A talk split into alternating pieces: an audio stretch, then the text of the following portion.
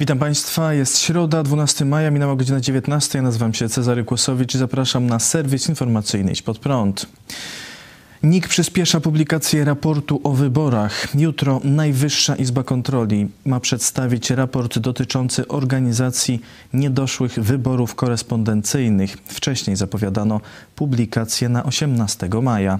Według doniesień RMFFM w raporcie znajdują się zawiadomienia do prokuratury dotyczące osób, które według NIK dopuściły się przestępstw przy organizacji wyborów. Według reportera RMF kontrolerzy skrytykowali każdy etap organizacji wyborów od planowania do podejmowania decyzji. W związku z raportem problemy może mieć premier Mateusz Morawiecki, który miał analizy prawne świadczące, że organizacja wyborów korespondencyjnych przez Pocztę Polską jest niezgodna z prawem, a mimo to wydał taką decyzję. Raport ma przedstawić jutro przed południem szefnik Marian Banaś. W kwietniu po ukazaniu się w mediach przecieków z raportu Centralne Biuro Antykorupcyjne wkroczyło do domu syna Mariana Banasia.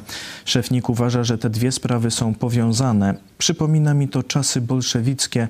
To w czystej postaci państwo policyjne, którym rządzą służby, a nie premier, mówił wtedy Banaś. We wrześniu Wojewódzki Sąd Administracyjny w Warszawie stwierdził już, że premier nie miał prawa nakazać poczcie przygotowania wyborów, jednak Mateusz Morawiecki złożył kasację w tej sprawie do Naczelnego Sądu Administracyjnego. Dziś w Międzynarodowy Dzień Pielęgniarek i Położnych. Pielęgniarki i położne protestowały w Warszawie, domagając się poprawy warunków pracy i godnych płac. W stolicy zorganizowano 18 manifestacji, m.in. pod Sejmem, w okolicy kancelarii premiera i Belwederu, a także na placu na rozdrożu, który chwilowo nazwano na rozdrożu zawodowym polskich pielęgniarek i położnych. Odchodzące od placu ulice przemianowano na Aleję Emigracji Zarobkowej, Aleję Rent i Emerytur oraz Aleję Odejścia z Zawodu. Pielęgniarki podczas protestu domagały się godnych płac i dobrych warunków pracy. Zwracały też uwagę, że pielęgniarek jest coraz mniej, a młodzi ludzie nie chcą się szkolić w tym zawodzie.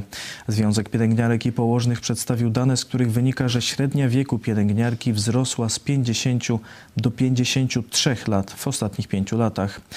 Prawie połowa zatrudnionych ma ponad 60 lat. Co roku uprawnienia emerytalne zyskuje 10 tysięcy pracowników, natomiast prawo wykonywania zawodu zyskuje tylko około 5 tysięcy młodych osób rocznie.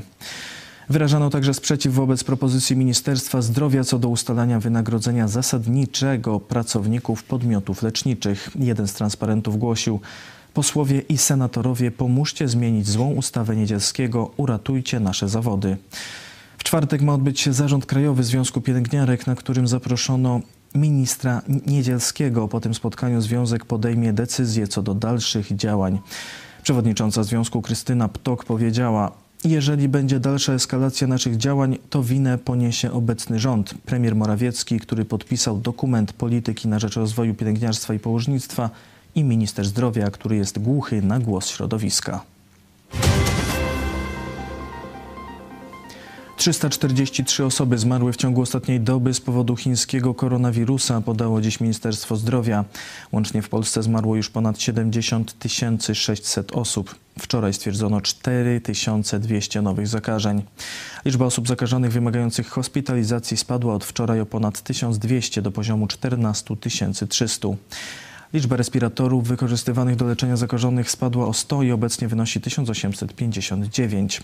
Już 10 milionów 600 tysięcy osób otrzymało w Polsce szczepionkę przeciw koronawirusowi, w tym 3 miliony 600 tysięcy otrzymało już dwie dawki lub zaszczepiło się szczepionką jednodawkową. Wciąż trwa wymiana ognia między terrorystycznymi organizacjami ze strefy Gazy a Izraelem. Izraelska armia podała dziś, że z Gazy w stronę Izraela wystrzelono ponad 1500 rakiet. Część spadła na tereny zamieszkane przez palestyńskich Arabów. Z tych, które doleciały do terytorium Izraela, większość została zestrzelona przez obronę rakietową. Nie udało się jednak przechwycić wszystkich. Rakiety trafiły m.in. w szkołę, autobus, budynki mieszkalne oraz rurociąg i zbiornik ropy naftowej. Zginęło co najmniej pięć osób. Izraelska armia w odwecie atakuje cele w Gazie, likwidując ważnych funkcjonariuszy Hamasu. Według władz Gazy w nalotach zginęły 53 osoby, w tym 14 dzieci.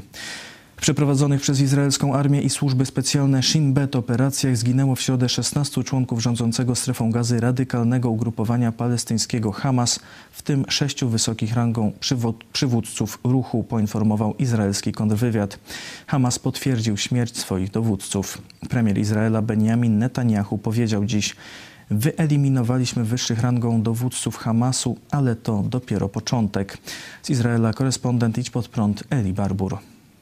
Jeśli chodzi o dzieci, no jeżeli ustawia się pozycje, y, pozycje rakietowe, prawda, z których odpalane są pociski na cele cywilne, podkreślam w Izraelu, na, na ślepo, za, pod jakimiś tam przedszkolami, szkółkami albo y, w pobliżu y, miejsc zamieszkania ludności cywilnej, no Izrael odpowiadając na ten ostrzał stara się celować precyzyjnie źródła, źródła y, ogniowe, prawda? No to, to siłą rzeczy mogą być też ofiary wśród dzieci. Oczywiście, że te ofiary wśród dzieci to są wykorzystywane propagandowo. Jak ta banda terrorystyczna wystrzeliwuje na, na ślepo pociski na Izrael, y, to gdyby nie to, że Izraelczycy uzbroili się na czas e, w tą żelazną kopułę, skuteczną broń antyrakietową, to przecież to u nas byłyby setki, setki zabitych, także dzieci.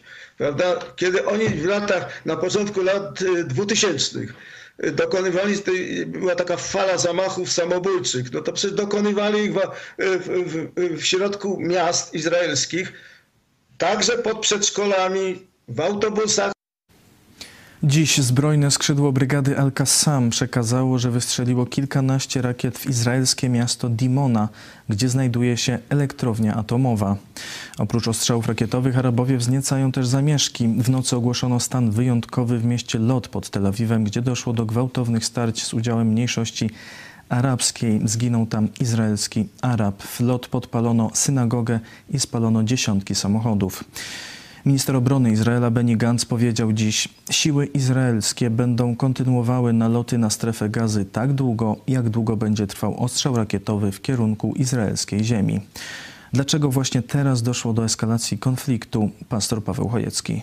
Mamy tutaj dwa, można powiedzieć, oddzielne procesy. Jeden to jest te zamieszki w Jerozolimie w czasie tych świąt y, muzułmańskich, a zaraz potem rozpoczyna się no, wojna. Niestety w mediach te, dwa, te dwie rzeczy są łączone, bo ile tam można mówić o tych mm, zamieszkach, że tutaj jakaś prowokacja, że tu siły policyjne, ktoś tam poszedł za daleko i tak dalej, to w każdym kraju, przecież w Polsce też taką dyskusję na temat y, y, przeróżnych starć z policją pojawiają się i tu świat by pewnie no tam za chwilę odwrócił uwagę, no ale tutaj rozpoczęła się ta strefa gazy, no rozpoczęła już regularną, można powiedzieć, wojnę z Izraelem. Dochodzi do tego kluczowego pytania, co jest celem, co jest celem ludności muzułmańskiej, tych tak zwanych Palestyńczyków. Oni nie zlikwidują państwa Izrael, czyli celem jest co innego. Celem jest y, po pierwsze destabilizacja y, państwa żydowskiego. Myślę, że to ma związek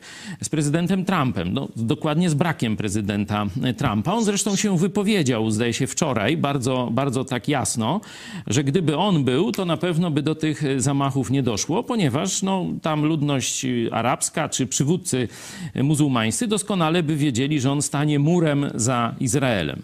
W przypadku Bidena sprawa nie jest już tak oczywista, stąd pojawia się tutaj właśnie ta eskalacja e, zbrojna, wręcz wojenna prawdopodobnie przywódcy palestyńscy, którzy odrzucili wcześniej plan pokojowy Trumpa, liczą, że w wyniku tej eskalacji zbrojnej ktoś im zaproponuje dużo korzystniejszy plan pokojowy niż to, co zrobiła ekipa Trumpa. Już 3 miliony 330 tysięcy osób zmarło na całym świecie z powodu chińskiego koronawirusa. Tylko wczoraj zmarło blisko 13,5 tysiąca osób. Premier Wielkiej Brytanii Boris Johnson ogłosił przeprowadzenie publicznego śledztwa w sprawie działań rządu brytyjskiego w czasie pandemii. Mogę z pewnością powiedzieć, że zrobimy to w ramach tej sesji. Tak, absolutnie. Już wcześniej wyraziłem to jasno. Naprawdę uważam, że jest to niezbędne, abyśmy mieli pełne, właściwe, publiczne dochodzenie w sprawie pandemii COVID, oświadczył Johnson. Obecnie Wielka Brytania wydaje się wychodzić z epidemii. W ciągu ostatniej doby stwierdzono 2400 nowych zakażeń i 20 zgonów. Urząd Statystyczny Wielkiej Brytanii podał dziś, że w pierwszym kwartale tego roku brytyjski PKB zmniejszył się tylko o 1,5%, co jest spadkiem o wiele niższym niż się spodziewano. Przez większość tego okresu cały kraj był w lockdownie. Komuniści chińscy blokują dostęp do chrześcijańskich aplikacji. Amerykański portal International Christian Concern podaje, że władze komunistycznych Chin blokują dostęp do chrześcijańskich aplikacji i kont w komunikatorze WeChat, najpopularniejszej aplikacji w Chinach. Dodatkowo Biblia w formie aplikacji nie jest już dostępna do pobrania w chińskim App Store. Rząd chiński już w 2018 roku zabronił internetowej sprzedaży drukowanej Biblii. Tłumaczył to stwierdzeniem, że jest to sprzeczne z podstawowymi wartościami socjalizmu. To wszystko w dzisiejszym wydaniu serwisu. Dziękuję Państwu za uwagę. Kolejny serwis jutro o 19:00. Życzę dobrej nocy. Do zobaczenia.